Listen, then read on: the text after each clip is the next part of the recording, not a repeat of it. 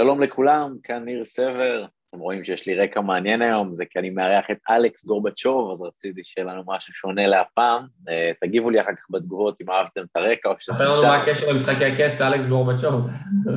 אמרתי שם מעניין, שלא משעמם, אני יודע, אבל אם אחרי זה בתגובות אני אקבל פידבק שזה דווקא מגניב, אולי אני אהפוך את זה לאיזה סמל להמשיך עם הרקע הזה, יודע אם כל פעם שיניתי רקע. אז כמו שאמרתי, אנחנו היום אלכס גורבצ'וב, נדבר על אומנות המכירה, לאלכס יש גם סיפור אישי מעניין, הוא גם, מה אה, שנקרא, אושיית רשת, עם מעל, אני חושב, עשרת אלפים עוקבים באינסטגרם, חמשת אלפים עוקבים בטיק טוק, התחיל ממש לדעתי את הסיפור לפני משהו כמו שנה ונהיה ויראלי מהר מאוד, אז אולי גם מעניין לשמוע איך הוא בנה את עצמו מבחינה מיתוגית, וגם כמובן הטיפים שיש לו לאנשי מכירות, או לכל מי שרוצה לשפר את היכולות שלו בתחום הזה.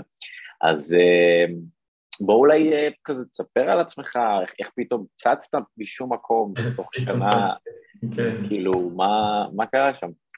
אז קודם כל, נעים מאוד, אלכס גורבצ'וב, בן 28 מפתח תקווה, אה, וזה לא שצצתי משום מקום, בגדול כיום אני יועץ ומלווה חברות ועסקים בנישת המכירות, אבל לדרכי התחלתי כעצמאי בגיל 24, כבר היה לי מוקד משלי. אה, בוא נגיד שהתחלתי כנציג מכירות בגיל 22, אה, גיל 24 כבר היה לי מוקד משלי, עם עובדים, כבר אה, עשינו מחזורים של 4 מיליון, ואתה יודע, פשוט המשיך להתגלגל, אנשים כבר התחילו לפנות אליי באופן אה, יזום, אתה יודע, חברות ועסקים אחרים, שמענו מה עשית שם, בוא תעזור, תעשה לנו הדרכה, הכשרות, משהו. וזה המשיך להתגלגל עד הקורונה, בא עלינו לטובה ברוך השם, שבקורונה בעצם התפנה לי יותר זמן לכל העניין של האינסטגרם בתכנים, ואז בקורונה התחלתי, פתחתי את האינסטגרם מ-0 לגמרי, ופשוט תכנים כל היום, הדרכות, ייעוצים, הרצאות, עניינים, ופשוט המשכנו להתגלגל. פשוט שנה העלית טיפים ובום, עשרת אלפים עוקבים, כאילו, מ-0 ל-100 בשנה. הרבה גם ממומן, משחק של ממומן, משחק של כסף. אה, כן? זה היה... צריך כאילו, אתה אומר אי אפשר לעקוף את זה, אי אפשר לעקוף את זה. אין, אי אפשר, עזוב, כל הטריקים, שטיקים שהיום מספרים, אינסטגרם ורילסים ושעות חמות, עזוב, חרטה ברטה. כן. זה משחק של כסף מאומן, כי כולם כבר מכירים את השטויות, כולם יודעים מה השעות החמות, כולם יודעים את הטריקים של הרילסים וזה, עזוב, זה כבר לא... אתה אומר מי שחושב שהוא כזה מגניב ויהיה לו סרטונים טובים אז הוא חי באשליה, כאילו זה לא... אין, אין, זה משחק של כסף אינסטגרם. כמו כל נגיד, פלטפורמה, אתה יודע. גם פייסבוק נגיד... בהתחלה רגיל ו... נגיד אז מישהו היום מתחיל, על, על, נגיד הוא רוצה להגיע מ-0 לעשרת אלפים, אתה יודע על איזה תקציב הוא, כאילו, על איזה סדר גודל השקעה מדובר פה, נגיד מישהו רוצה גם לפרוץ ושיהיה לו עשרת אלפים עוקבים, כאילו מה... תשמע, בגדול אני, גם אגב עוד מעט, למרות שלא נראה לי לדבר על זה כי כבר הרצאה sold out, אבל יש לי הרצאה ב-24 לחמישי, sold out, 450 איש, 200 שקל כרטיס, תעשו את החישובים לבד כל החבר'ה פה. אה, אני משקיע באינסטגרם בשנה האחרונה עשרות אלפים, לפחות איזה חמישים. עשרות אלפים, וואו. אז אתה אומר כן. כאילו זה משחק שהוא business, זה כמו שאתה צריך כסף. זה עסק לכל דבר, תשמע, אם אתה מתייחס אליו כתחביב על הדרך, יהיה לך תוצאות של תחביב, אם תתייחס לזה כעסק, mm. השקעה, אז יהיה לך תוצאות של עסק. הבנתי, זאת אומרת שמי שרוצה לפרוץ כמוך ממש צריך להבין שאינסטגרם זה עסק וצריך להשקיע אם הוא רוצה באמת להפוך לאושיית רשת, זה לא בא רק מלהעלות איזה סרטונים נחמדים או זה באמת... אה, אלא אם כן זה טיק טוק, כרגע יש את האופציה בטיק טוק אה. לפרוץ בחינם, אבל גם זה עניין של שנה, שנתיים, אני מאמין שיהפוך להיות אה, משחק של כסף כמו כל פלטפורמה. ובפייסבוק אתה לא משקיע? אתה כאילו מעדיף להשקיע באינסטגרם? זה יותר מעניין. אינסטגרם, פייסבוק לא, לא רלוונטי. לא רלוונטי? כאילו, שוב, יש אנשים ש... כן, מה, כי יש מגבלה של 5,000 חברים בפרופיל, כי העמוד העסקי לא, כאילו, למה, למה דווקא... כי אנשים כבר לא גוללים בפייסבוק, נדיר מאוד. מה אתה אומר? ואם גוללים, אז ישר תופסים אותם הודעות, כאילו, ישר מטרגטים אותם. מה אתה אומר? לא- מעניין, מעניין. אז אתה אומר מבחינת, כאילו, הרקע האישי שלך, מי שרוצה לעבור מ-0 ל-10,000 באינסטגרם ולהיות אושייה, זה לבוא, עם סרטונים, עם תוכן, עם עריכה, עם תקציב, ממש לקחת את זה ברצינות, זה לגבי השיווק. תשמע, יש הרבה גם את הקבוצות בפייסבוק שאתה מכיר, כל החשדניסטים וכאלה למיניהם, שיש שם, אתה יודע, אלפים, עשרות אלפים בקבוצות, ותשמע, אני רואה אנשים נגיד, שכשאני התחלתי, לפני שנה את האינסטגרם וזה, ניסיתי שם לפרסם כמה פוסטים, ראיתי אין יותר מדי איזה, אני רואה אנשים עד היום, אני כבר בשנה, אתה יודע, אני כבר סולד אאוט 450 איש, עד היום ממשיכים לפרסם שם שטויות ומנסים לפרוט, מנסים להתקדם, אין, זה כבר לא עובד, זה כבר לא, לא, העולם מתקדם מאז, זה לא... מעניין מה שאתה אומר. ואיך נגיד, סתם דוגמה, מכרת את ה-450 כרטיסים האלה שהעלית סטורי לאינסטגרם? מה, איך כאילו בפועל עשית את זה? יש בטח הרבה אנשים שהיו רוצים לעשות את זה גם. מה, מה התהליך? קודם כל כן, באינסטגרם אני כל היום פמפמתי את זה. בש... מהראשון לחמישי שפתחתי את ההרשמה בעצם, עד, שבועיים. עד ה sold out, כן. שבועיים, שבועיים, אוקיי. אני רק בסטורים מפמפם על זה, כלום, שום דבר אחר. שנה שלמה לא מכרתי כלום באינסטגרם, מה אתה אומר? כלום. מה אתה אומר? גם לא ייעוצים, שירותים, אנשים היו פונים אליי לבד בפרטי, בחיים לא. מכרתי שנה באינסטגרם, רק בהרצאה עכשיו, כל היום טק טק טק טק טק טק. ופלוס יש לי את הקבוצות וואטסאפ שלי, קהילות של אה, 250 כל קבוצה מלאה, אה, שזה הצהובים הפעילים הרעילים שלי ככה. וגם בקבוצות- אשכרה מסטורי באינסטגרם, מכרת 450 כרטיסים ב-200 שקל. קבוצות וואטסאפ, אה, גם משפיענים, אבל הרוב כן. וואו, וואו. טוב, אז זה ככה לגבי השיווק. אה, בואו ננסה רגע לחזור לנושא של המכירות. אולי אני אנסה ככה לשאול אותך כמה שאלות שם. אה, יש איזה תהליך מובנה, סיסטם מכירות מסוים שאתה עובד איתו, או שאתה מתאים את הטיפים שלך לכל איש מכירות או לכל מוצר? איך בדיוק אתה מסתכל על הנושא הזה של מכירות? לא, יש אה, עקרונות שהם מנחים לכולם. בגדול התיאוריה במרכאות, אבל אחר כך ההתאמות, אתה צריך לעשות את ההתאמות מכל תחום לתחום, כי לעשות עכשיו, אה, נגיד, תעשיות מכירה לדי-ג'יי או צלם, זה לא כמו לעשות למכללה לקורסים או ליועץ עסקי, זה סגנונות אחרים לגמרי. אז צריך לעשות את ההתאמות הקטנות. אבל כאילו, יש איזה סיסטם, נגיד, אתה אומר, סתם דוגמה, במכירה יש שלושה דברים, אתה מוכר את עצמך, את המוצר, את החברה, כאילו יש עקרונות אוניברסליים של דעתך. זה של ג'ורדן בלפורד, כן. זה... כן, יש עקרונות אוניברסליים שאתה מאמין בהם, או שכאילו, לי יש כמה חוקים, כן, כאילו, קודם כל אנשים שיבינו, הרבה אנשים קצת נופלים בזה ולוקים, הלקוח בא בשביל עצמו. ואנשים מדברים אני ואני ואני ואני, וחושבים שאני ואני ואני מוכר. אה, אני עשיתי פה, עשיתי שם, עשיתי זה, עשיתי מחזורים, עשיתי מיליונים, זה לא מעניין את התחת. האני ואני ואני אולי גורם לו להשאיר פרטים, אם זה ממומן או אורגני, לא משנה, אולי זה מה שגורם לו להשאיר פרטים, אבל ברמת השיחה, המכירה עצמה או הפגישה עצמה, כל הפוקוס צריך לעבור לבן אדם. עזוב אותי, עכשיו מה איתך? מה הבעיה שלך? מה הלמה שלך? מה אתה צריך? מה אתה מחפש? כי הוא כבר יודע מי אתה, הוא השאיר פרטים. אתה לא צריך לחפור על זה. אתה מדבר יותר על הנושא של בירור צרכים, של שאלת שאלות, של להתעניין בלקוח? כן. לסתום את הפה ולתת לו לדבר, לתת לו את הבמה. להקשיב לו, להכיל אותו, להתעניין בו, לשאול שאלות, אבל בקטע אמיתי, לא בקטע של כי רשום לי בתסריט לשאול אותו שאלה. לבוא באמת בקטע אמיתי של אני רגע רוצה להבין מה באמת, אמיתי אבל, מה, למה השארת לי פרטים? באמת, אמיתי, עכשיו יד על הלב. עזוב חרטות, טריקים, שטיקים, אמיתי, מה, מה הבעיה? אתה מבין?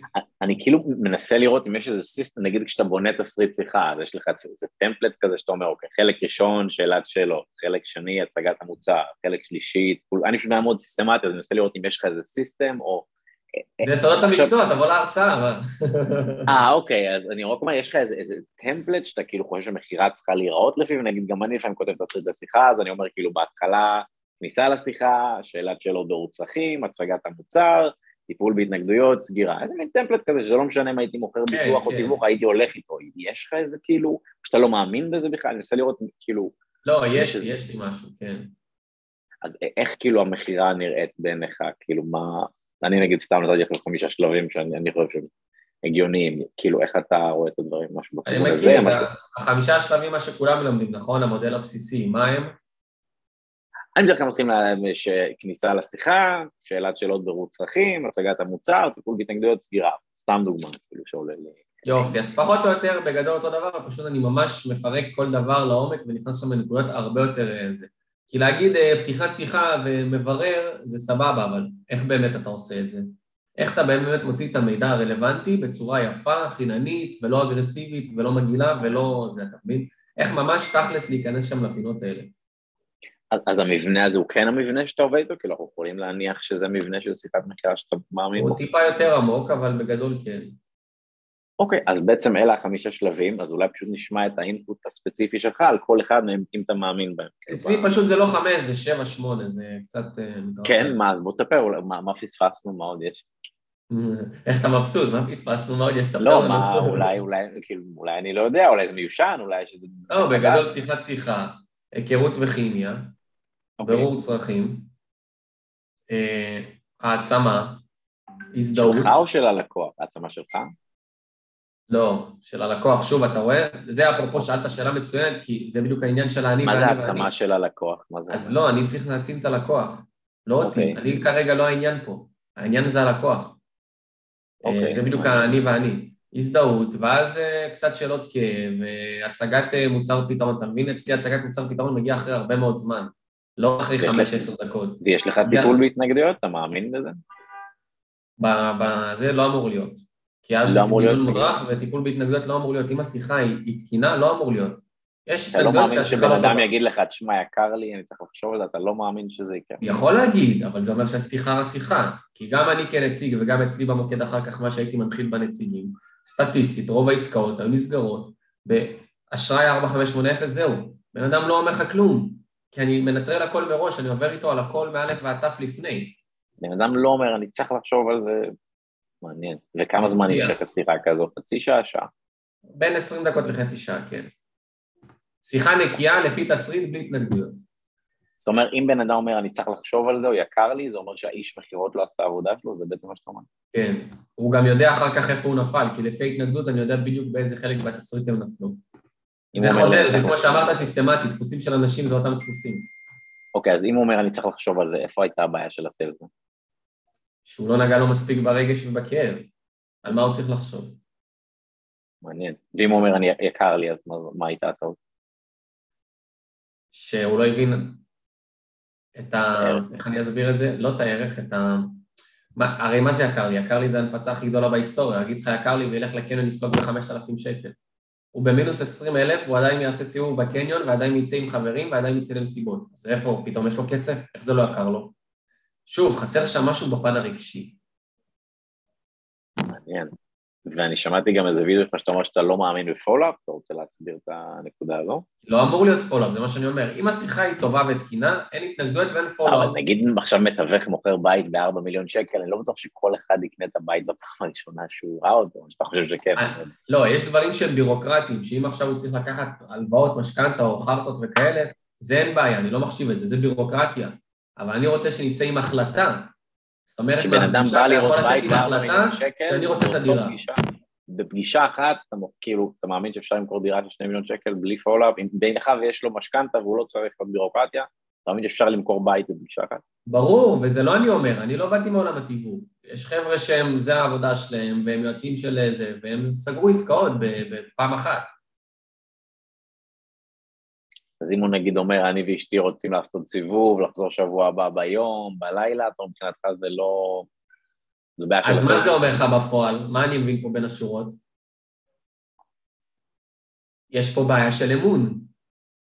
למה הוא רוצה לעשות סיבוב? למה הוא רוצה להסתכל? כי הוא לא בטוח שאמרת לו את כל המידע הנכון. כי יכול להיות שהוא חושב שאם הוא יבוא בלילה הוא יראה משהו אחר על השכונה שאתה לא סיפרת לו. אז יש פה בעיה של אמון, זה מה שאני אומר. אם אני מזהה את זה, ואני יודע לייצר את האמון, אז הוא לא יגיד לי את זה. כי אם הוא מאמין בי וסומך עליי, הוא לא יגיד לי את ההנפצות וחרטות האלה. הכל בסוף בעולם התיווך, אפרופו, זה מאוד מתבסס על אמון. אם אני מאמין בך וסומך עליך, אין חרטות. כי אני אתן לך דוגמה, נגיד אני עכשיו רוצה אה, למכור דירה, ונגיד אני ואתה לא מכירים. אתה בא, עושה לי פיץ', פרזנטציה יפה, 2% עמלה, אני אומר לך, יקר, צריך לחשוב על זה. אתה יודע מה, קח, אתה אומר לי, קח אחוז, אני עדיין אומר לך, יקר, צריך לחשוב על זה, נכון? תן לי לישון על זה לילה. ופתאום נגיד בא למחרת, נגיד רון, שהוא חבר טוב שלי, חבר ילדות נגיד, והוא במקרה מתווך, הוא אומר תגיד לי, מה, אתה גנוב, אלכס? איך לא דיברת איתי? אני ואתה מכיתה א', בוא אני אדאג לך. הוא סוגר אותי במקום, 2% עמלה בלי לחשוב, בלי יקר לי. למה? כי הוא חבר שלי, אני סומך להאמין בו בעיניים עצומות, נכון? אותו דבר גם הפוך. עכשיו נגיד הוא מכר לי את הדירה ואני רוצה לקנות, ואתה בא ואומר לי, מה אתה רוצה לקנות? יש לי מלא להראות לך, בוא אני אראה לך. אני אגיד לך, לא, תשמע, עוד שבוע, עוד שבועיים, תן לי, אתה יודע. ורון יבוא ויגיד, נו מה, אתה מסתלבט, אלכס, אבל עוד פעם אתה לא מדבר איתי, יש לי להראות לך דירות, ונניח עשיתי איתו סיבוב באותו יום, ונניח אהבתי דירה, תוך כמה זמן אני סוגר איתו? במקום. אז פה מרחתי אותך גם במכירה ובקנייה, ואיתו סגרתי 2% גם במכירה ובקנייה, למה? כי יש לי אמון עם הבן אדם, אני סומך עליו, אני מאמין בו, הוא לא מחרטט אותי, אני יודע שהוא לא ידפוק אותי, אני יודע שהוא חבר שלי.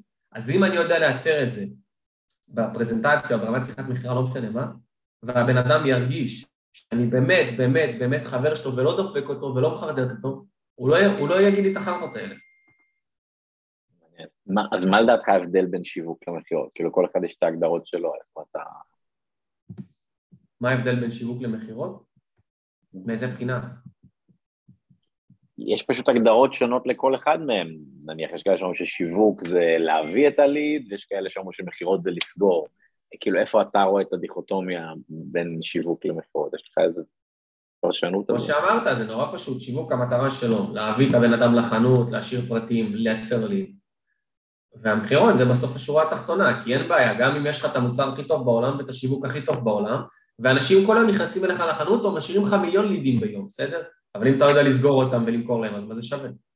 אז ייכנסו אליך 100 אנשים לחנות ביום, אפס סגרת, אז מה, מה זה שווה? אבל יש לך מוצר טוב, מה? אז אתה אומר שהשיווק זה, זה להביא את, ה, את הלקוח והמכירות זה לסגור. בסוף כל עסק קם ונופל על המכירות, ויש מלא דוגמאות של מלא מותגים ועסקים שיש להם שיווק ומיתוג והכל, ויש להם כל היום פניות ולידים ונכנסים אליהם, אבל הם לא סוגרים עסקאות, לא סוגרים את החודש, כי יש להם הוצאות של אה, מאות אלפים. אז מה זה שווה? ואיפה אתה שם את ההבדל בין מכירות למשא ומתן, נגיד, יש תהליכים שאתה מאמין שהם צריכים להיות יותר ארוכים, מה שנקרא משא ומתן, או שגם שם אתה מאמין שאפשר לקצר דברים, כי לפעמים נגיד בתיווך יש משא ומתן בין מוכר לקונה. גם שם אתה מאמין שיכול להיסגר בעסקה אחת? הכל אפשר לקצר, פשוט צריך להגיע לאינטרס ההדדי של שתי הצדדים, פשוט העניין הוא שכל אחד מגיע עם האינטרס שלו מוחבא, והם כאילו בטוחים שהם בתחרות, כל אחד מי דופק את השני, מי מוציא יותר מהשני, לא מבינים שיש פה אינטרס הדדי, שאם נשים את הקלפים על השולחן ונפתח הכל, כל אחד את כביכול החסרונות שלו והפגיעות שלו, אז אנחנו נוכל להגיע לעמק השווה ולסגור את זה הרבה יותר מהר. פשוט כל אחד משחק אותה, אתה יודע, עם הקלפים, המשחקים, השטיקים והזה, משאיר אה, שפנים בשרוול, למה? אני אוהב לבוא פתוח ותכלס ואמיתי. אתה רוצה את זה, אני רוצה את זה. בוא נקדם את זה, למה לחרטט? בוא נראה מה אתה צריך, מה אני צריך, האם אנחנו מגיעים לעמק השווה, נתקדם, לא הגענו לעמק השווה, ניפרד כידידים, הכל בסדר. מה אני צריך לבדוק, לחשוב, להתייעץ, זאת שלי, סבתא שלי, עזוב, אתה רוצה ואני רוצה, מה הבעיה? מה, מה הטעות שאתה רואה הכי הרבה פעמים שמכירות עושים? בדיוק מה שאמרתי מקודם, שהם באים עם שטיקים וטריקים וקלפים ומשחקים וחרטות, עזוב, תשחרר, אנחנו ב-2022, אנשים כבר מבינים את החרטות, מבינים את ההנחצות.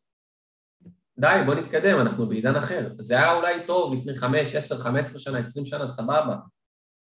אבל היום אתה נכנס, לכל אחד יש לו טלפון, נכנס לגוגל, רושם מה שאתה רוצה, בשנייה אתה כבר מבין אם מחרטטים אותך או לא, אז למה? אתה יכול לבדוק היום בגוגל מה שאתה רוצה, אני יכול לתפוס אותך במילה, לבדוק כל מילה שאתה אומר לי, לראות אם אתה דובר אמת או לא, אז למה? אתה מאמין ב cold calling, ב door to door, או אתה מאמין שמכירות צריכות להיות אחרי שיווק? כאילו נגיד עכשיו מתווך, הוא צריך לעשות cold calling ו door to door, או שהוא צריך לעשות שיווק ולהביא לידים ואז למכור להם? מה אתה חושב על הזה? שמע, דור טו דור זה, זה עדיין עובד, כן? וכנראה זה ימשיך לעבוד, אבל זה, זה לשבור את הראש, זה עבודת נמלים. כאילו שוב, התקדמנו היום, ברוך השם, יש לנו רשתות וזה, היום גם לא חסר מתווכים שהם באינסטגרם, בטיק טוק, ומגיעים אליהם פניות משם, אז למה? למה לי לשבור את הראש? ואתה מבין, כאילו עולם השיווק התקדם, פעם היה לך שלטים על איילון, היה לך את הפליירים, מקומון ומגנטים מדלת לדלת, זה, זה, סתם, זה מיותר היום. אוקיי. Okay. תפתח אינסטגרם, תעלה תכנים, אנשים יבואו לבד, תעשה טיק טוק, לא משנה מה, כל אחד לינקדאין, לא אכפת לי מה, ערוץ יוטיוב, כל אחד לפי איפה שהקהל שלו, אבל תביא אנשים. למה לשמור. בראש, למה ללכת דור... אז בעצם אתה אומר שאיש מכירות טוב, הוא צריך לדעת לעבוד מול לידים חמים בעזרת תהליך שיווק, ואז להיכנס לתהליך מכירה? לא, איש מכירות טוב יכול גם לעשות door to door, אני אומר, אבל זה לשבור את הראש ולבזבז אנרגיה. במקרים קיצוניים, לא יודע, קרה לך עכשיו משהו, אין לך כלום, אתה גמור כבר חודשיים, אין לך פנייה, סבבה. אבל זה לא אמור להיות הרגיל והיום-יום שלך לפי דעתי, שוב, בגישה שלי. אני יודע שעולם התיווך גם קצת מיושן בדבר הזה, ויכול להיות אנשים יראו את זה ויגידו לא, אין סיפור. היום, היום הסדר היום של רוב המתווכים בארץ ללכת למשרד שלהם ולעשות cold calling למוכרים מיד שתיים, להתקשר, זה הסדר היום של רוב המתווכים בארץ. אז אתה אומר שזו טעות, שהם צריכים להביא את המוכרים אליהם ורק אז למכור להם? זה, זה בעצם מה שאתה אומר. הם יכולים להמשיך לעשות את זה, אבל שוב, זה כבר כמה שנים הדבר הזה וכמה באמת מצליחים. אתה מבין? בודדים. דיברנו על זה גם מקודם בפרטי. לא, בואו, מספרים, מתווכים, אפשר להרוויח, כן, אבל כמה כבר מרוויחים? אני מדבר מרוויחים ברמה לא עכשיו 10, 15, 20 בחודש. אז למה שלא נעשה גישה אחרת? העולם הולך לכיוון הזה, שוב, של כל הרשתות, כל הדיגיטל, אז למה שלא נעשה את זה? אז, אז בעצם אתה אומר שאיש מכירות חכם, אפקטיבי, מודרני, הוא צריך לשלב שיווק בעשייה שלו? שיווק ומכירות, לא רק מכירות. לאו דווקא איש מכירות, אני אומר כל עסק. כל מוצר, כאילו שוב, אפשר לעשות, אני גם במוקד שלי, שזה היה ב-2018-2019 נגיד, לפני הקורונה, לא היה לי אינסטגרם, לא היה לי שום כלום, לא מותג, לא נעליים, היינו עובדים גם הכי פשוט בעולם, הכי בבוני, לידים, פייסבוק מאומן, רוצה לעשות כסף באינטרנט, תשאיר פרטים, לידים הכי קרים בעולם, חצי 144, באמת. והיינו סוגרים, אין בעיה, ועשינו כסף והכל טוב יפה. אבל זה לשבור את הראש, זה להוציא את המיץ מהנשמה, זה היה שוחק נציגים. אנשים כאילו היו יוצאים אחרי חצי שנה, שנה שעובדים אצלי במוקד, אה, גמורים, חנוקים, לא רוצים מכירות בכלל. אלא אם כן זה בונה להם אופי והם נשארו ומצליחים אחר כך בכל מקום שהם הולכים, כן? זה קיצוני לפה או לפה. כי יצאו ממני חבר'ה שהם יצאו יזמים, פתחו עסקים כי הם פיתחו חוסן מנטלי, או שהם הלכו למוקדים אחרים במספרי אחד היום מאיפה שאתה רוצה, או שהם, אה, לא יכולים כבר, נחנקו, די. וזה, וזה תוצאה של לעבוד עם לידים קרים, השחיקה הזו? זה מה שאתה אומר? כן, וזה מה שקורה בעולמות הביטוח והתיווך. אנשים שם תחלופה מאוד גבוהה, כי הם עדיין עובדים בדאטות קרות, הם גומרים אנשים. מעניין. זהו, עשיתי על זה וידאו למתווכים, שדיברתי בדיוק על זה, והכותרת של הוידאו הייתה אה, הסיבה שמתווכים עובדים קשה ומרוויחים מעט, וזה בדיוק מה שאמרתי שם, שאיך הם מגיעים היום למוכרים, זה או פליירים, זה או door to door, או cold calling, אז גם אם זה עובד, זה פשוט מאוד מאוד שוחק. למה לא למשל להעלות קמפיין בפייסבוק או אינסטגרם למוכרים, ואז הם ישאירו לך פרטים, אתה עדיין צריך להיות איש מכירות טוב ולמכור להם, אבל כשהוא פנה אליך זה כבר אחרת משאתה פנית אליו. בדיוק. אבל באמת, באמת צריך לא להיות נאיבים ולהבין שזה השקעה כספית, כמו שאתה אומר, השקעתי עשרות אלפי שקלים בברנד שלי, זה לא בא לי כי אני חמוד ועשיתי מוזיקה יפה בסרטונים, ומה שהסברתי למתווכים, והרבה מהם כאילו אומרים, אני מעדיף לעבוד קשה מאשר להשקיע, והם עושים טעות כנראה, כי צריך להשקיע את ה-X כסף וזמן האלה, ופשוט להפוך את כל המשוואה, להיות ברנד שבאים אליו. זה לא מבטל את הצורך ביכולת מכירה, אבל זה באמת כאילו הופך את החיים לכל כך הרבה יותר קלים וכיפים. אז אני, אני מסכים איתך לגמרי. אני לא אומר שזה לא עובד, זה עובד, אבל שוב, תלוי מה, מה רמת אנרגיה ושחיקה. לגמרי. אז אמרנו שהטעות שאנשי מכירות עושים לדעתך זה שהם מדברים יותר מדי ולא מכירים. עכשיו רגע, אגב, עוד משהו שעלה לי תוך כדי, חיזוקית למה שאמרת, שאנחנו חוזרים שוב לשיחה מקודם עם ההתנגדויות, עם העניין של האמון, אם אני כל היום ברשתות ובן אדם רואה אותי ועוקב אחריי, לא משנה סטורים, פוסטים, האמון שלי נבנה איתו ברמה לא מודעת, כי אם עכשיו יבוא אליו מתווך מדור טו דור, או שאני אבוא אליו מהאינסטגרם והוא מכיר אותי כבר חודשיים, אז הרמת אמון שלי פה ושלו פה, אתה מבין? אני יותר גבוה. סביר להניח שהאחוזים יותר נוטים לטובתי שהוא יסגור איתי, אתה מבין? יכול להיות שלך עוד פעם הוא יגיד, תשמע, תן לי אשתי דודה של סבתא שלי, ואיתו יסגור פתאום דקה אחרי. זה גם משפיע ברמה הזאת, זה גם אחר כך עוזר לך ברמת המכירה, ברמת האמון. אז אתה אומר שלא משנה מה היית עושה היום, מתווך או אדריכל או לא משנה מה, אם אני הולך להיות מתווך עכשיו... אתה קודם כל בונה ברנד באינסטגרם, זה מה שאתה אומר. בטח, אם אני הולך להיות מתווך, פותח או שמשנה את הפרופיל שלי עכשיו לתיווך, או שפותח מחדש, וכל היום על האינסטגרם. מעניין מה שאתה אומר, כי רוב המתווכים עושים בדיוק את ההפך, הם הולכים למשרד כל היום, וכל ליד שתיים. כי זה מה שהם לומדים אותם גם במשרד. אז אתה בכלל לא היית הולך למשרד, היית פשוט מעלה מהבית סרטונים לאינסטגרם והיית מתווך, וזה כאילו... לא, גם אם הייתי הולך למשרד, אבל לא הייתי לוקח את כל ה... זה שלהם, הייתי ממשיך לעשות את התכנים ואת האינסטגרם ואת הזה. אז בעצם היית קודם כל מתחיל עם שיווק ובניית ברנד, ורק אז, שיש לידים חמים, אז היית מפעיל את היכולת מכירה שלך על לידים חמים ולא על לידים קרים. זה בעצם מה שאתה אומר. תשמע, גם דוגמה הכי, הכי מצוינת שאני יכול לתת זה רון לנצמן, מי שמכיר, אה, רימקס סופרים, בעלים של זה אחד הרימקס היה כמתווך, והיום יש לו משרד הכי גדול בארץ משלו, עם איזה 70 סוכנים, ובמקרה גם עשיתי להם הדרכה. אז ראיתי גם מה קורה שם. הבן אדם, כאילו היום אנשים עוקבים אחריו, רואים אותו. החלום שלהם, שתבין את ההבדלים של מה שאני אומר, להיות רון לנצמן, לא להיות מתווך. הם רוצים להיות רון לנצמן, לא מתווך, זה הבדל משמעותי.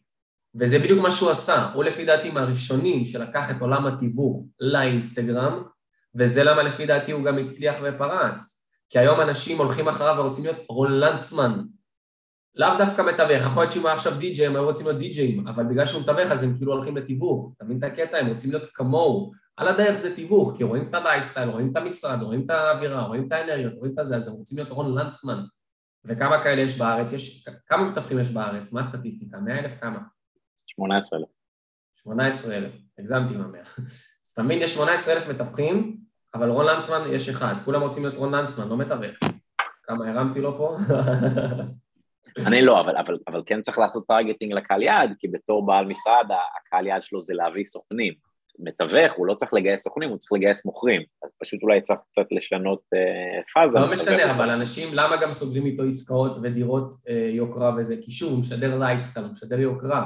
אז אני עדיף לקחת אותו, אם יש לי עכשיו נגיד בית בהרצליה פיתוח בכמה עשרות מיליונים, לדבר איתו, למרות שהוא בפתח תקווה, ולא עם מישהו בהרצליה שעובד עדיין בשיטות של פעם. ואני יודע שהוא גם סוגר עסקאות מחוץ לפתח תקווה, כי אנשים מגיעים אליו ואומרים, אני רוצה אותך, עזוב את המתווכים שיש לי בהרצליה, אני רוצה אותך. למה? בגלל זה. מעניין, דווקא בתור איש מכירות זה מעניין כמה דגש אתה שם דווקא כן על marketing ועל branding ועל personal branding, זה דווקא מעניין, כי אני זוכר שכשאני הלכתי ללמוד תיווך בכל המשרדים, כל הזמן אמרו לי, תעש טלפונים, צא לפגישות, וזה באמת הרגיש לי מ-day one כמו טמטום נוראי ובזבוז זמן. אני אגיד לך גם למה זה אצלי כזה... שוב, הייתי בעסק בצד השני של העסק קר, ועשיתי מחזור של נגיד 4 מיליון בשנה. אני אומר לך בוודאות, תקשיב טוב, אני אומר לך, שאם היום אני עם הרמת מותג שלי, באותו עסק, שנתיים אחורה אני עושה 4 מיליון בחודש, לא בשנה. באמת, לא צוחק. תבין את ההבדלים. כי אתה בעצם פונה ללידים חמים ולא לידים קרים, אז אתה בעצם אומר שהיום בעל עסק, או, אז, אז רגע, ואם מישהו איש מכירות שכיר בביטוח, אז הוא גם צריך להקים לעצמו ברנד אינסטגרם? השאלה אם הוא רוצה להיות סוכן עצמאי או לא, או שהוא רוצה להישאר שם כל החיים שלו. נגיד איש מכירות שכיר בחברת ביטוח, יש לו טעם להקים לעצמו אינסטגרם? אם הוא רואה את זה כקריירת חייו ויישאר שם עד הפנסיה, שווה לו. להקים אינסטגרם או לא להקים אינסטגרם? כן, אם הוא יישאר שם כל החיים, אבל אם זה עבודה זמנית שנה, שנתיים, אז מיותר. מעניין מה שאתה אומר. כאילו, ואם הוא עכשיו רוצה חמש שנים למכור ביטוח והוא שכיר, אתה עדיין חושב שהוא צריך ברנד אישי? לא יודע אם זה שווה את ההשקעה בשביל החמש שנים. שוב, בגלל זה אני אומר, אם זה משהו לכל החיים, כי שוב, יש אנשים שעומדים בביטוחים כל החיים עד פנסיה, וזה בסדר. אז אם זה משהו שאתה רואה שזה לכל החיים, זה שווה את ההשקעה. בשביל שנה, שנתיים, ארבע, חמש, לא יודע אם זה שווה את זה. מעניין. אוקיי, אז אמרנו שנחזור רגע לטעות של אנשים אחרות, אמרת שהטעות שהגדולה הכי גדולה שאתה שם לב אליה זה שהם לא מקשיבים מספיק, זה, זה הנקודה שאתה רואה הכי הרבה? הם לא באמת מכילים ולא באמת מבינים. אני מאוד חשוב לי להבין את הבן אדם, אבל באמת ברמה העמוקה, כמו שנתתי לך מקודם את הדוגמה של האמון, כי כאילו, כשבן אדם אומר לי איזושהי שטות, לא משנה, יקר לי או לחשוב על זה, או דודה שלי או סבתא שלי אשתי, מה עומד מאחורי זה? אנשים כאילו באים לטפל בזה, הם לא מבינים מה עומד מאחורי זה. ואני אתן לך דוגמה, אה, בזוגיות, נניח עכשיו יש לך חברה, ונניח היא עשתה לך ארוחת בוקר במיטה, פינקה אותך, עשתה לך יום כיף, ובטעות, בטעות לא אמרת לה תודה. עכשיו, מה קורה? מתחילה להתבשל עם עצמה. בואנה, הוא לא מעריך, הוא זבל, איזה פרזיט, איזה חרא, הוא לא אוהב אותי, הוא לא זה, נכון? עובר כמה ימים, שבוע, שבועיים, לא עשית כלים, בום, היא מוציאה לך את הכל. אתה לא מעריך, אתה זבל, אתה פרזיט, אתה לא עושה כלום בבית, והיא רבה איתך על הכלים. עכשיו, מה הקטע? זה לא הכלים. אנשים רבים על כלים, אבל זה לא הכלים. זה כאילו אמרת לה תודה לפני שבועיים, והיא מרגישה שאתה לא מעריך אותה ולא אוהב אותה ולא זכרת לה מילה טובה. ואז מה קורה? אנשים מטומטמים רבים על כלים, ונפרדים בגלל כלים, אבל זה לא הכלים. ובן אדם חכם מבין שזה לא הכלים, ויגיד לה, ממי, שומעת, אולי פספסתי משהו, צודקת, טעות שלי, אבל מה מעבר, מה התכלס, מה קרה, מה פספסתי? תני לי לתקן, שאני אשים לב לפעם הבאה, נכון? ואז היא תגיד לי, תשמע, טה טה טה טה טה, אוקיי, ופה אני יכול לעבוד על זה. אז לריב על כלים זה כמו לדבר על לחשוב על זה ואשתי ויקר לי. זה אף פעם לא לחשוב על זה, זה אף פעם לא יקר לי, זה אף פעם לא אשתי. יש משהו מעבר, זה מה שאני רוצה להבין, מה מעבר, על מה זה יושב, על מה זה קם ונופל. ואגב, זה שלא אמרתי לה תודה, חוסר הערכה, זה רגש. ראיתי שהיה לך איזה וידאו שנתת טיפ של, של ה-FBI, יש איזה גופי ידע שאתה חושב שמי שרוצה ללמוד שיווק ומכירות צריך לצלול אליהם, NLP, פסיכולוגיה, או שאתה לא מאמין בזה, או... NLP, כל בן אדם באשר הוא, אני תמיד ממליץ ללכת, גם אני למדתי אה, NLP, בלי קשר, לא משנה מה אתם רוצים לעשות בחיים, זה תמיד טוב, פותח את הראש ועוזר לכם בכל, בכל אה, אספקט בחיים. פסיכולוגיה, כל הדברים האלה זה תמיד טוב. לא משנה מה אתם רוצים, מכירות, לא מכירות, פסיכולוגיה, לא פסיכולוגיה, זה תמיד טוב בכל uh, עבודה. כי בסוף, היום יום שלנו זה תקשורת מול אנשים. לא משנה אם עכשיו זה לנהל עובדים, או להתנהל מול ספקים, או להתנהל מול הבוסים שלך מעליך בעבודה, או שותפים, בין אם זה לעסק, או שותפים לדירה, או זוגיות, הכל זה תקשורת, מערכות יחסים. וככל שנבין אנשים יותר טוב, נוכל לתקשר יותר טוב ונוכל להגיע לאן שאנחנו רוצים. כי בסוף החיים זה משחק של אנשים, ובשביל להיות טוב בחיים אתה צריך להיות טוב עם אנשים. זה, זה, זה, זה אני מאמין שלי. אז בעצם, בעצם אתה רואה ש-NLP ופסיכולוגיה אלה שני כלים שאתה, שאתה ממליץ עליהם? כן. כי נגיד אפילו שמעתי שיש איזה בחור שקוראים לו ריין סרנט מניו יורק, והוא כל שבוע מביא כאילו אה, אימפרוב, אימפרוביזציה, אלתור, הוא מביא איזה קורס אלתור לעובדים שלו, זה אומר שזה ישפר את היצירתיות שלהם באיך להתמודד עם התנגדויות, שהם ידעו לאלתר, כשהלקוח אומר ככה, תעשה ככה, איך לזרום איתו, ככה לפתוח את הראש. יש עוד איזה טיפים לא שגרתיים אולי שיש לך, איך להשתפר במכירות. אתה מבין למה, למה אני צוחק מה שאמרת לי? אני, אין בעיה עם זה, מה, ש, מה שאתה אומר, הבחור עושה יצירתיות הכל טוב, אבל כאילו, נכון מה אמרת? שהוא כאילו רוצה שהם יהיו יצירתיים בהתנגדויות. מה אני אומר? הפוך, גוטה, הפוך, אתה לא צריך להיות יצירתי. שוב, באמת, ממי, זה לא הכלים, מה זה באמת? עזוב חרטות, מה לענות, על מה ל... עזוב, על מה זה יושב, אמיתי. תגיד לי שאתה לא רוצה לסגור איתי, בכיף, אבל אל תגיד לי שאתה צריך לישון על זה, כי זה לא זה. אל תגיד לי לחשוב על זה, זה לא זה.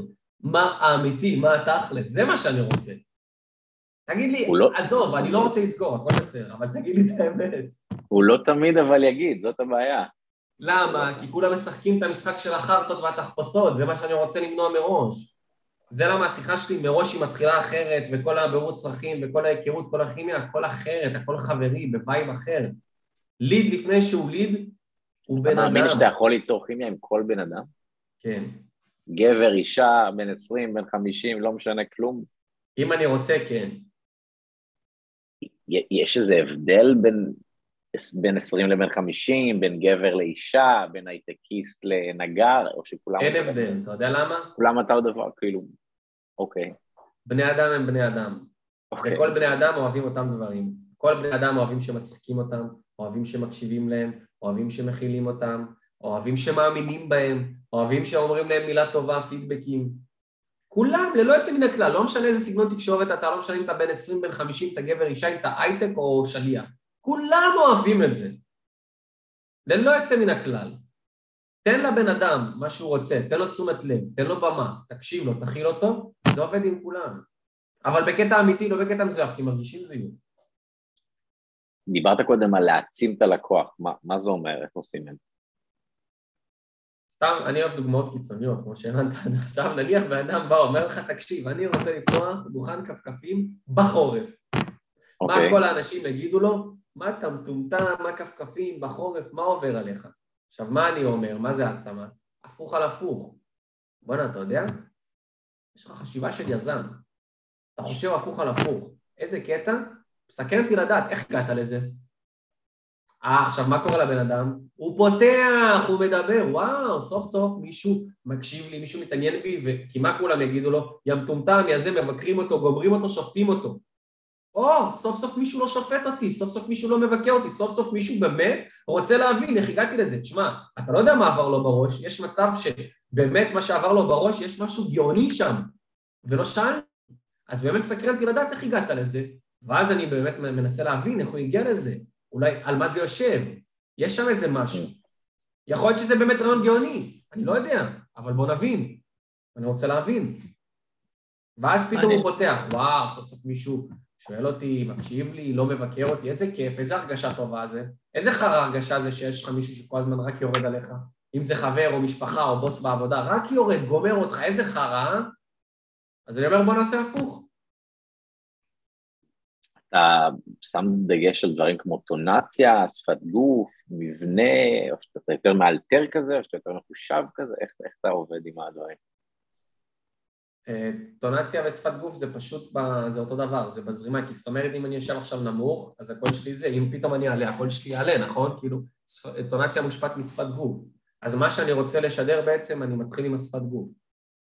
אבל נגיד בטלפון לא רואים אותך, אז אתה לא חושב אולי... מרגישים טונציה, ואז הטונציה מושפעת מהשפת גוף. נגיד בטלפון, מה שהייתי אומר לנציגים, איך שבן אדם עונה ואני רוצה לפתוח בזה, ישר קמים מהכיסא בהלו. למה? כי יש לך עלייה בהלו, שומעים הלו אנרגטי, כי אתה אחרי 50-100 שיחות, אתה גמור. הגיוני, תשמע, אנחנו בני אדם. אז איך אני מנטרל את זה? הלו בעלייה. אני קם ישר, אני כאילו פותח באנרגיות, כאילו שיחה ראשונה שלי היום. כל מיני דברים כאלה. אז, אז אתה אומר ש, ש, שצריך אנרגיה, יש עוד סוגי טונציות שאתה חושב שהם חשובים בתהליך המחקר, או אנרגיה, כל הזמן אנרגיה, צריכים להיות רגוע אולי גם, או... לא, מן הסתם יש לך גם טונציה נמוכה, ועכשיו אנחנו נכנסים למצב הקשבה, הכלה, אכפתיות, התעניינות. אז, אז בואו אולי כאילו נבנה את ארגז הכלים, כאילו מה המנעד הרגשי שכאילו איש מכירות צריך, אז הוא צריך אנרגיה בהתחלה, רוגע והכלה בהקשבה. תמיד אני אומר לחבר'ה שלי, רכבת הרים, צריכה להיות ירידות. כל השיחה, אם יש לי עכשיו 20 דקות, חצי שעה להעביר עם הבן אדם, אני חייב כל הזמן עליות ירידות. אין פה חוקיות, כל הזמן אבל צריך uh, שהגרף לא יהיה ככה, כי אז זה מונוטוני, ואז אנשים במונוטוניות, אחי, אני לא יכול לדבר עכשיו, תחזור אליי, אני בדיוק נכנס, אני בדיוק פגישה, בדיוק סבתא שלי.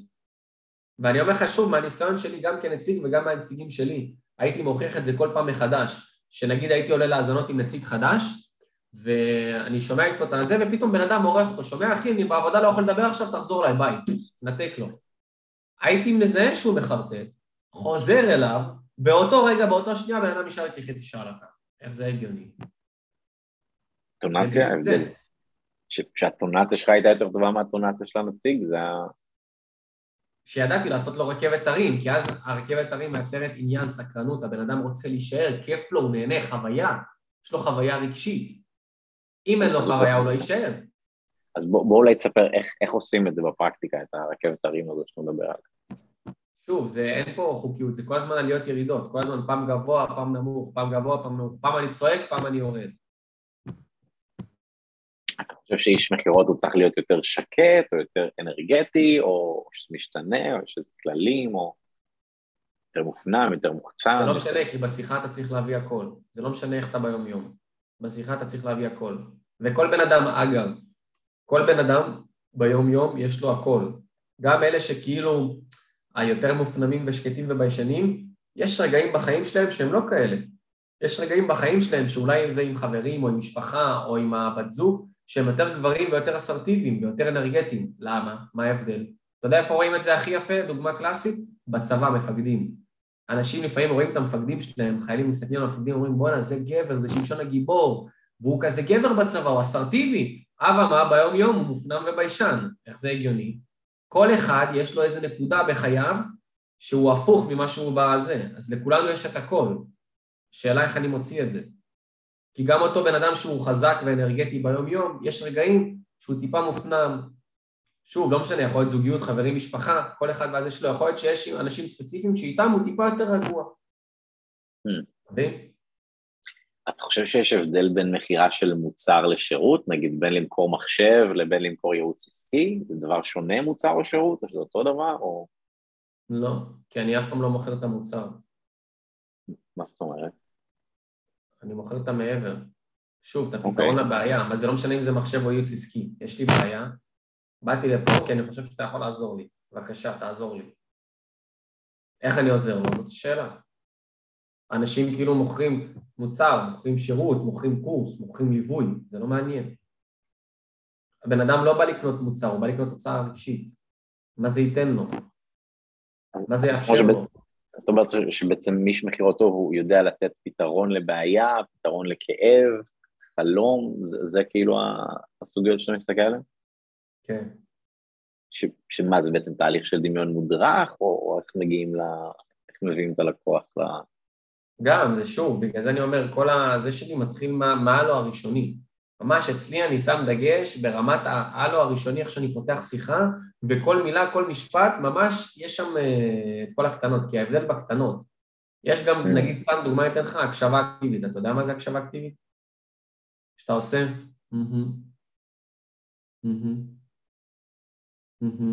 וואו, יפה, כל מיני כאלה. בזמן שהלקוח מדבר, אם אני לא עושה הקשבה אקטיבית, יכול לקרות סיטואציה שהוא יגיד לי, הלו, הלו, אתה איתי? אתה שומע, נכון? בשנייה שהוא שאל אם אני איתו, נגמר השיחת מכירה, ואתה תתכונן לקבל, צריך לחשוב על זה. זהו, נגמר. למה? כי אתה לא איתו, אתה לא נוכח, אתה לא מקשיב. אתה איתי, אתה איתי, ברמה לא מודעת. כמובן שזה לא מה שעובר לו בראש, הוא יגיד, אני אגיד לו עכשיו צריך לחשוב על זה. אבל ברמה לא מודעת, שברת את כל האמון בינינו. איך אומרים, אמון לוקח זמן לבנות, ובשנייה אתה גומר אותו. פה, אם אתה לא נוכח איתי בשיחה, בהקשבה האקטיבית, ואתה לא נותן לי את האישורים הקטנים של וואו, יפה, גמרת את האמון, זהו, נגמר. אתה שם המון דגש על הכניסה לשיחה, על ההתחלה, כמו כזה אין שני לראש הראשוני כזה? כן. אז, אז מה הטיפים שלך לכניסה נכונה לשיחה? כמה זמן זה... תמיד אנרגיה והתלהבות. אני פותח תמיד ב... הלו ניר, הלו אלכס, ישר כאילו בצרחות, באנרגיה. כמו שאתה okay. עכשיו אוקיי. נגיד מחייך, למה ברח לך חיוב קימה? אוקיי. Okay. זה כיף, זה משהו אחר, זה שונה. אני אומר לך, אבל מה אחרי זה? כאילו, אוקיי, הלו, כן, מה, יש איזה המשך לזה, או ששם זה נגמר? יש כאילו... אז אני שואל, לשלומך? אוקיי, שלומי טוב, תודה, למה התקשרת? כאילו, יש לך איזה תבנית כזו של כניסה לשיחה? לא, אני זורם פשוט שזה יהיה באנרגיה ומצחיק, כי עד שבן אדם לא שואל אותי מי זה, אני בחיים לא מציג את עצמי. מה זאת אומרת? תסביר. בחיים לא מציג את עצמי. אתה לא אומר את השם שלך?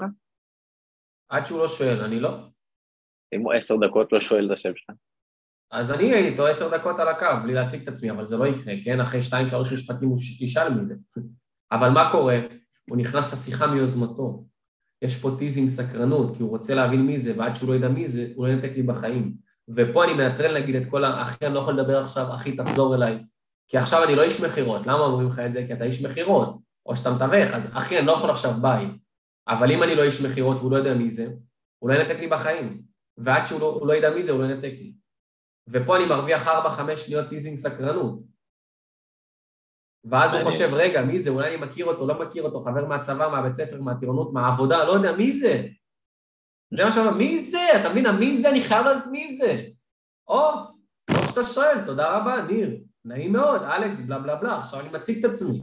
עכשיו, השיחה היא אחרת לגמרי. זה vibe אחר, הוא כבר לא ינתק לך, כי הוא נכנס לשיחה מיוזמתו. מעניין. אז, אז אתה אומר כאילו אנרגיה, הומור, סקרנות, מנסה כאילו איכשהו להפוך את הדברים שאתה אומר לאיזה מין system כזה של... תבוא להרצאה, עזוב שטויות, תבוא להרצאה. בסדר, אנחנו פה, לא, אני גם מנסה לתת שירות לצופים שלנו, שכאילו ינסו... רגע, אתה בא או לא, בלי קשר? אם תזמין אותי, אני אבוא בכיף. אה, לא קנית כרטיס עד עכשיו? אבוי. אני לא, אני פשוט תוך כדי שאתה מדבר, אני גם, אני גם זוכר שיש לנו קהל, זה לא רק שיחה של שנינו, אז אני לפעמים כזה כאילו בכוונה שואל משהו פעמיים, או חוזר על מה שאתה אומר, לא, לא כי אני לא מבין, אלא כי אני כאילו רוצה גם לעזור לצופים. אה, בוא נגיד כאילו שהלוואי שבשעה בזום יכולנו להעביר הכל, כן? הלוואי, אבל זה לא... כן, לא, אני, אני רק מנסה כאילו לפשט את הדברים, זה מה שאני עושה עם כל האורחים שלי, לא רק איתך, כי אני יודע שהקהל אחרי זה רוצה אולי לשבת ולרשום הערות ולרשום לעצמו טיפים, אוקיי, אלכס אמר, התלהבות, כניסה לשיחה, זה כאילו נשמע קצת טומטם, אבל ככה, ככה לפעמים קל אה, לכולנו ללמוד, גם כשאני לומד משהו חדש אני... עזוב קצת שייכנסו לאינסטגרם, יראו את הסרטונים. אז בוא, הנה, בוא נשאל שאלה, נגיד כשאתה מעלה סרטון, איך, איך אתה יודע כאילו איזה טיפ לתת, מה יעניין אנשים, אתה עושה ניסוי וטעייה, אתה מוחק סרטון שלא עבד, איך כאילו... לא, מה, אני פשוט מעלה. שם? אבל איך אתה יודע מה לעלות? אני בוחר מה לעלות. לצורך העניין, אצלי זה עובד ככה, נגיד עכשיו מזמינים אותי לאיזה הדרכה או הרצאה, לא משנה, אני מביא צלם, מצלם הכל, נגיד זה שעתיים, בסדר? אחר כך הצלם מעביר את השעתיים, אני יושב על זה בבית, בוחר את הדקות השניות שאני רוצה, מעביר לעורך, העורך עורך את הסרטון ואני מעלה. זהו. אתה יודע, ופה הקטע שכאילו אין, אין אה, איזושהי נוסחה לסרטון שיצליח או לא, כי מה הקטע? דווקא mm. הסרטונים שחשבתי שהם טובים, לא הצליחו, וסרטונים שחשבתי שהם גרועים, התבאסתי לעלות, הצליחו. כן, אי אפשר לדעת, אז כבר הפסקתי... מה ההגדרה שלך להצלחה? מה זה סרטון? לא, אתה רואה במעורבות, בווירליות, כאילו. בצפיות. מעל 100 תגובות זה הצלחה, איך אתה מגדיר הצלחה? לא, זה כל אחד תלוי לפי הפרופיל שלו. אצלך, מה לדעתך זה הצלחה, בשבילך? מעל 100 תגובות, לא יודע, 500? כאילו... לאו דווקא תגובות, זה מעורבות באופן כללי. באינסטגרם אוקיי. מעורבות זה לייקים, תגובות, אה, שמירות אוקיי. ושליחות, ארבע פרמטרים. ואתה ממש עושה ממוצע, אתה עובר על זה? אתה ממש עובר על ה... יש את הנתונים, אה, יש לך אינסטגרם עסקי או פרטי? אה, עסקי. אז בעסקי יש לך נתונים שם על כל פוסט, אם אתה נכנס ל insight אז אתה יכול לראות. אה, על ה engagement, אז מה ה engagement שאתה מחשיב כטוב, כאילו מה האחוזים? כן. בוא נגיד שסביר זה 10 אחוז סך הכל engagement. 15-20 כבר תמיד שזה טוב. אותו דבר גם בצפיות בסטורי, כמות אה, קהל שיש לך, קח 10 אחוז, זה פחות או יותר הצופים שאמור להיות לך ברמה סבירה. אם יש לך 15-20 זה, זה מעולה, זה אומר שהקהל טוב מעורב. אז אם יש לי 100 אה, חברים ועשרה ראו את הסטורי זה טוב. סביר. אם 15-20 רואים זה טוב. מעניין, אז מה ה engagement הכי גבוה שראית על פוסט? 30 אחוז? יכול להיות, לא זוכר, אבל בוא נגיד שאם אני רואה שאצלי זה 15-20 אחוז, אני יודע שהסרטון טוב. וזה מה שאמרתי, כאילו, סרטונים שחשבתי שיהיו טובים, לא, וסרטונים שלא חשבתי, בסוף כן. ואז כבר הפסקתי להתייחס לזה, אני פשוט מעלה, אני לא יודע, מה שיתפוס... רוב הסרטונים שלך הם פחות מדקה, אני חושב, נכון? יש כאלה דקה וקצת, כן, אבל זה... אבל נגיד שלוש דקות זה כבר הזוי לגמרי, לא, זה לא. יש איזה פורמט לסרטון מוצלח, קצר, פחות מדקה, מסר תלוי באיזה. פלטפורמה. אינסטגרם זה. בין חצי דקה לדקה, טיק טוק זה פחות, זה 10-20 שניות וזה גם... אה, אז בוא, נדבר על אינסטגרם, אז אמרנו הפורמולה זה חצי דקה, יש עוד איזה פורמולה שאתה עובד איתה, חצי כתוביות, דקה, דקה. ברור ש... אתה יודע מה זה לא ברור, לי זה ברור, כי זה חלק מהעניין במה שאמרתי במשחק האינסטגרם, בגלל שהיום אנחנו בעידן המנטורים, וכל אחד פותח מצלמה ומתחיל לצלם סרטונים, זה כבר נהיה מגעיל, בסדר? אז המינימום, אני מהרגע הראשון הבאתי צלם ועורך, למה? כי המינימום, תכבד את הקהל, את הצופים, את העוקבים שלך. אתה רוצה אחר כך שבן אדם יקנה ממך איזשהו משהו, ואתה לא משקיע בעצמך. אתה מצלם מהאייפון בבית בספה. תכבד את המעמד רגע, תביא צלם עורך, שישים לך מוזיקה, שישים לך כתוביות, שיעשה אפקטים, כל מיני דברים, שהסרטון יהיה נפץ, ולא סרטון אני לבד מדבר עם עצמי כמו איזה גמור. ואז אנשים מתפלאים למה לא עולה להם עוקבים, למה אף אחד לא קונה ממני את המוצר, למה הלידים לא משאירים פרטים, נו בחייאת אחי, אתה לא משקיע בעצמך, אז איך אתה מצפה שמישהו אחר ישקיע בך, באמת? זה מתחיל מזה. אז אתה אומר סרטונים קצרים, מושקעים, כתוביות, מוזיקה, אה, להביא עורך, כי אף אחד לא יכול לעשות את זה. כאילו, איש מקצוע, זה העבודה שלו. כאילו, אבל כשאתה חושב על הוידאו, אתה מכין לעצמך איזה תסריט שאתה מקריא ממנו, אתה יודע מה אתה הולך להגיד, יש איזה אסטרטגיה מסוימת, או שאתה פשוט זורם, איך אתה לא, אני עושה פשוט וידאו? מצלם, אמרתי לך, שעתיים הדרכה, ומשם אני לוקח מה, ש... מה שנראה לי. מה, הדרכה מול קהל, או כאילו הדרכה, מה, איך אתה... לא, הדרכה אמיתית. כל הסרטונים שלי זה מהדרכות, אה, אתה יודע, שמביאים אותי לחברות ועסקים. אגב, אה, אין לך וידאו שאתה פשוט עם העורך שלך יושב באיזה חדר ועושה וידאו, זה הכל מלייבים, כן? כן, ממש אולי רק סרטונים ראשונים למטה, מי שיגיע ממש בהתחלה, עשיתי כמה כאלה, וואלה. וראיתי שאני לא אוהב את זה, וזה למה עברתי לכיוון רק ההדרכות. כל הסרטונים שלי, וואלה. אגב, זה, תחשוב שזה מהדרכות ומהרצאות, שחברות עסקים שילמו לי כסף עליהם, וואלה. ואני בא, נותן עכשיו טיפים וטיזרים ששילמו לי עליהם כסף, לא שוב, קניתי איזה חרטא אה, מצלמה והתחלתי לחלק לכם טיפים. הכל דברים ששילמו לי עליהם כסף, כאילו. כמה, כמה זמן לקח מאז שהתחלת לבנות את הברנד שלך עד שחברות התחילו להזמין אותך להרצאות? ליד ראשון, אני יכול להגיד לך, הגיע לי באיזה אלף וקצת עוקבים, אחרי איזה חצי שנה, משהו כזה, ליד ראשון. לקח לך חצי שנה להגיע לאלף עוקבים, ועוד חצי שנה לעשרת אלף. זאת אומרת, היה איזה מין קיפאון כזה, ואז זינוק. כן. מה, כי האלף איש זה איזה מין סמל סטטוס, או מה, מה פתאום מביא את הפריצה הזו מ-0 לאלף? פסיכולוגיה אבולוציונית בבונית, אתה יודע, בן אדם רואה בן אדם מתחת אלף עוקבים, אה, בן אדם רואה אלף עוקבים, אוקיי, מתחיל להיות מעניין. פתאום. ארבע, אוקיי, יש פה מישהו. פתאום שמונה, או, זה בן אדם רציני. עכשיו, תחשוב שגם במהלך כל השנה הזאת, אתה הרי כל הזמן באומן, אז פעם אתה קופץ לו ב-200 עוקבים, עובר חודש, חודשיים, פתאום הוא רואה אותך ב-1,000, פתאום הוא רואה אותך ב-5,000, הוא אומר, בואנה, יש פה בן אדם רציני. כאילו, כל הזמן ממשיך וממשיך וממשיך, והוא עולה ועולה ועולה, אני חייב לדעת מי זה. אתה אומר, הם גם עוקבים אחרי החשבון שלך ורואים את הגדילה שלו.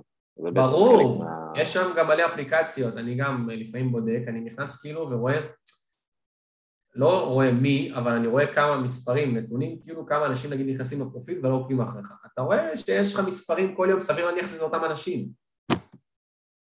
מעניין מה שאתה אומר. אז אתה אומר בעצם עד אלף אתה nobody, אז יש לך איזה מין פיק באלף, ואז כשאתה מגיע לאלף באמת שווה לשים את לא, הרגל אני על יכול להגיד הגז. לך, עזוב, עד 5,000 אתה נורבדי, מ-5,000 באמת? זה מתחיל להיות מעניין.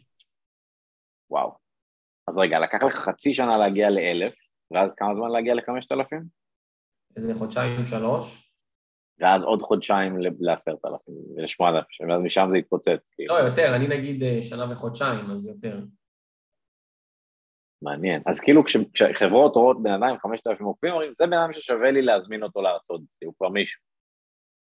לאו דווקא בעוקבים, אבל שוב, ברמת התכנים, ברמת, שוב, כי אם אני עכשיו אצלם סרטונים בבית בספה, לא משנה כמה עוקבים יש לי, לא יזמינו אותי, בסדר? לא נראה לי שיהיו לך חמשת אלפים עוקבים, תצלם מהבית. אתה מבין? אז שוב, זה הכל כאילו מכלול שפאזל כזה שכל דבר מתחבר, וברגע שמספיק שחתיכה אחת אין לך, זה לא יעבוד.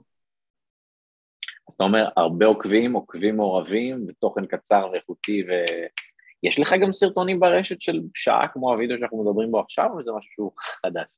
יש לך סרטונים לא. ארוכים גם? לא, אז זה בעצם הוידאו הראשון אי פעם שלנו פה אקסקלוסיב, עם אלכס גורבצ'וב, וידאו של לא שעה יש לי מעולם. כאילו פודקאסטים ולייבים שהתארחתי, אבל הם לא ברמת, אה, באינסטגרם שלי, כאילו.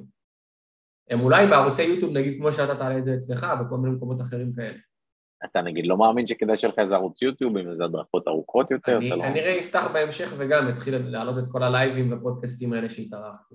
בהמשך כנראה. נשמע שאתה כאילו נורא מאמין בכזה טיזרים, אה, כזה סנאפים כאלה וסקרנות ו... לא, אני מאמין קודם כל בעניין של, של אה, מיקוד. קודם כל, לכבוש משהו אחד ורק אז לעבור. ערוץ יוטיוב כנראה שבהמשך אני אעשה, אבל אחרי שאני אשלים את המשימה באינסטגרם. ואז אני מה אעבור... המשימה? מה המשימה שצריך להשלים באינסטגרם? לפחות איזה עשרים אלף. שכאילו כשתגיע לשם תגיד לעצמך, טוב, הגעתי ליעד, אני יכול להעביר את הפוקוס שלי למקום אחר, או... כן, כי כל דבר אני מאמין שאתה חייב לתת עליו את הדגש ואת התשומת לב. אי אפשר קצת פה, קצת שם, וגם אני אתן את הדוגמה של ההרצאה שלי ב-24 לחמישי במאי. אני כל חודש מאי פיניתי לגמרי. לא קיבלתי לקוחות, נגמר לי כל הליוויים באפריל, כל הזה, אמרתי חודש מאי, אני לא עושה כלום חוץ מהרצאה, וזה גם אחת מהסיבות שאני חושב שעשיתי 450 סולד אאוט בשבועיים, אה, לעומת אנשים אחרים שלא מצליחים גם בחודשיים שלוש. כי הייתי all in על זה, פוקוס מלא 100% רק על זה, ואינסטגרם והודעות, אתה יודע, כי אתה מעלה סטורי וזה, פתאום מגיבים לך, אז אתה עונה להם, יש שיח מתמשך, אז אתה כל היום על זה כאילו. מעניין. ונגיד כשתגיע ל-20 אלף עוקבים, לא תרצה 100 אלף, או שתגיד לעצמך, הגעתי, הכל טוב? יכול להיות, אבל אז זה פשוט לא יהיה ב-100%, זה מה שאני אומר, בשביל להגיע לאיזשהו משהו, אתה חייב את ה-100%. אחר כך זה כבר על הדרך, זה בסדר, זה לא כזה רלוונטי. נשמע, נשמע בתפיסה שלך שאינסטגרם זה ממש איזה נכס אינטרנטי קריטי מהותי לכל בעל עסק, ככה אני מבין לך. ברור, מה זה, עזוב אותי, אנשים עושים כסף מהאינסטגרם. לא, אבל יש המון בעלי עסקים שיש להם איזה 100 חברים, הם בכלל לא, אתה ממש נשמע נורא בקור של החשיבה העסקית שלך. כי, כי אני אומר שוב, אני באתי מכל ה... באתי מהרקע של אותם בעלי עסקים שלפני האינסטגרם הזה, שהתחלתי אותו מאפס, לא היה לי אינסטגרם, ויש לי פייסבוק מת עם איזה... אולי ב-2011 בתיכון. לא הייתי פעיל ברשתות, הייתי אנטי רשתות, בן אדם פרטי שלא מעניין אותו כלום, באמת. אבל אני רואה היום את ההבדלים, בגלל זה אמרתי לך, הייתי עובד מאוד קשה במוקד ומאוד מתאמץ בשביל 4 מיליון בשנה, שיכולתי לעשות 4 מיליון בחודש בזכות האינסטגרם. זה ההבדל, אז אם בעל עסק רוצה להמשיך לעבוד קשה ולשבור את הגב, באהבה שימשיך, אין בעיה. לא אומר שזה לא עובד, זה עובד, אתה עדיין תעשה כסף, עדיין תהיה בעל עסק, אבל אתה מתישהו תמות מזה. תשחק, כאילו, אתה תהיה גמור. אוקיי, אז, אז שני, שני הדברים שאתה מאמין בהם, כמו שהבנו בשיחה הזו, זה יכולת מכירה ואינסטגרם. יש עוד דברים שאתה מאמין שבעל עסק צריך? שיווק ומכירה, זהו, מה... נגמר הסיפור. לא, אבל, אבל גם בתוך שיווק יש נישות, יש כאלה שהולכים על גוגל, יש כאלה שהולכים על אינסטגרם, יש כאלה... בסדר, כל אחד לפי הקהל שלו, אבל חייב להיות שיווק. מאומן, אורגני, אתה חייב להיות פעיל, פעיל, זה לא, גם אם אתה ברמת מאומן, גם אז במוקד שלי, כל הזמן היינו פעילים בקמפיינים בפייסבוק, והיינו מוציאים גם 30, 40, 50 אלף בחודש. אין, אתה לא יכול, אתה חייב כל הזמן להיות נוכח. יום, יומיים, שבוע, שבועיים, חודש, בן אדם לא רואה אותך, זהו, נגמר הסיפור. אם אחר כך אתה מתרגל אותו אחרי חודשיים, זה כאילו פעם ראשונה הוא רואה אותך. אתה חייב כל הזמן להיות בתודעה שלו. ככל שאתה תקפוץ יותר, בסוף מתי שהוא ישאיר פרטים. בסוף מתישהו גם, אתה יודע, אנשים לא משאירים פרטים על הפעם הראשונה, הם רואים אותך חמש, עשר, עשרים פעם עד שהם משאירים פרטים. אבל נשמע לי שגוגל זה פחות משהו שמעניין אותך, אתה נגיד, נשמע לי פחות מתלהב אה, מגוגל. יותר. אתה יודע, הרבה אנשים אומרים כאילו גוגל זה לידים הכי חמים, כי הם כאילו מתקשרים אליך, מחפשים, אני צריך אינסטלטור או זה, אבל לא תמיד. בן אדם מחפש עכשיו אינסטלטור, מתקשר לחמש הראשונים, לוקח את הכי זול. אין לך פה באמת כוח, כאילו דרך גוגל דווקא השליטה בידיים של הלקוח. אתה כאילו אחד מיני כמה. ואז אה, מוצר מחיר השיח, ואז אם אתה לא הכי זול, זהו, כי מה, אני צריך אינסטלטור, מה אכפת לי עכשיו מה אתה מזן לי את המוח? אני צריך עכשיו ב-400 שקל. אתה מבין? מבחינת מיצוב פרימיום בשוק, אתה מאמין ש... שוב, אני, אני לא יודע מה המחירים שאתה לוקח, אבל אתה, מאמין במיצוב פרימיום, במיצוב סביר, במיצוב זול, איך לדעתך בעל עסק צריך לתמחר את עצמו בשוק שהוא נמצא בו? זה אני לא יודע להגיד לך, אני פשוט, אני יכול להגיד לך מה, מה אני לוקח. היום אני יכול לקחת לשעה 1,500 לאחד על אחד, ו-2,000 לשעה, אם זה עכשיו להביא אותי לכמה נציגים להדרכה. עכשיו, ככל שזה עולה בכמות, אני לוקח גם יותר, יכול גם 2,500 ו-3,000 ו-4,000. ואני יכול להגיד לך שמיליד ראשון, כשהייתי באלף וקצת עוקבים, העסקה הראשונה שסגרתי זה היה מאלף לשעה. עם הזמן עליתי ל-1500-2000, זה היה מ-1000 לשעה, אבל לא ירדתי פחות מ-1000. ואפרופו כל הקבוצות האלה של חשדניסטים וכאלה למיניהם, יש הרבה אנשים גם שהם כאילו בנישה שלי ויועצי מכירות, מאמנים מכירות. אני רואה אותם עובדים בשביל משכורות רעב, לוקחים 200-300 שקל, אנשים שם 20 שנה קיימים בשוק. מה, מה אתה מסתלבט עליי? כאילו, מה אתה... אתה מבין? זה מה שזה הבדל. אנשים שם, באמת, אנשים 20 שנה בשוק, בני 40, 50, לוקחים 200, 300, 400 שקל לשעה. אני באתי איזה ילד, איזה, תוך שנה אני לוקח פי כמה מהם. תבין את ההבדל, כאילו. ואין אין, אין לך אישוז של מחיר כשאנשים מדברים איתך? כאילו, זה לא, לא עולה? לא. כי זה כמו שאתה נכנס עכשיו לגוצ'י, ללואי ויטון, אתה יודע שאתה מינימום שם 4-5 אלף. אתה לא תיכנס לגוצ'י, ללואי ויטון, תגיד, אין לכם איזה משהו ב-200 שקל? לא, כי אתה יודע שאתה נכנס ל fucking מותג, זה ההבדל. בן אדם שעכשיו מגיע אליי מהאינסטגרם ועוקב אחריי, ורואה גם, אתה יודע, יש לי את כל הזמן אה, תוצאות של לקוחות, ואווירה, והיילייטים, וסטורים, ואיך אני בהדרכות, ואיך צלמים אותי וזה. בן אדם נכנס, מקבל חוויה, רואה את כל הדברים האלה, בואנה, זה fucking בן אדם, AIG הזמינו אותו, זה היה אצל לנצמן, זה היה פה, זה היה שם, בואנה, זה בן אדם, כנראה הוא לוקח הרבה כסף. הם מוכנים לזה. לא עכשיו אה, באתי, פרסמתי איזה, סליחה, שוב, בלי לזלזל באף אחד, כן, אבל אני לפעמים רואה את הדברים האלה, זה מעצבן אותי. שמפרסמים איזה פוסט, אה, חבר'ה, מי רוצה מדריך חינמי לבלה בלה בלה, ארבע טיפים, תגיבו לי אני, תקבלו מדריך חינמי. ואז אנשים מתפלאים שאנשים לא קונים מהם, או שאומרים להם יקר לי על 100 שקל. ואז הוא חוזר לליד הזה, על החינם הזה, על המדריך הזה, מנסה למכור לו איזה משהו ב-200 שקל, אומר לו יקר לי, נו מה, אתה מסתלבט עליי? בחייאת, מה אתה מצפה? אתה, לא, אתה לא מאמין בחינם? אתה לא מאמין ב... כאילו... לתת דברים בחינם? מדריכים וכאלה זה שטויות במיץ עגבניות. סרטונים כן, למה? כי מדריכים, כל ילד היום בן 16 יודע לעשות העתק הדבק בדף בקנווה ולרשום לך מדריכים מפה עד להודעה חדשה.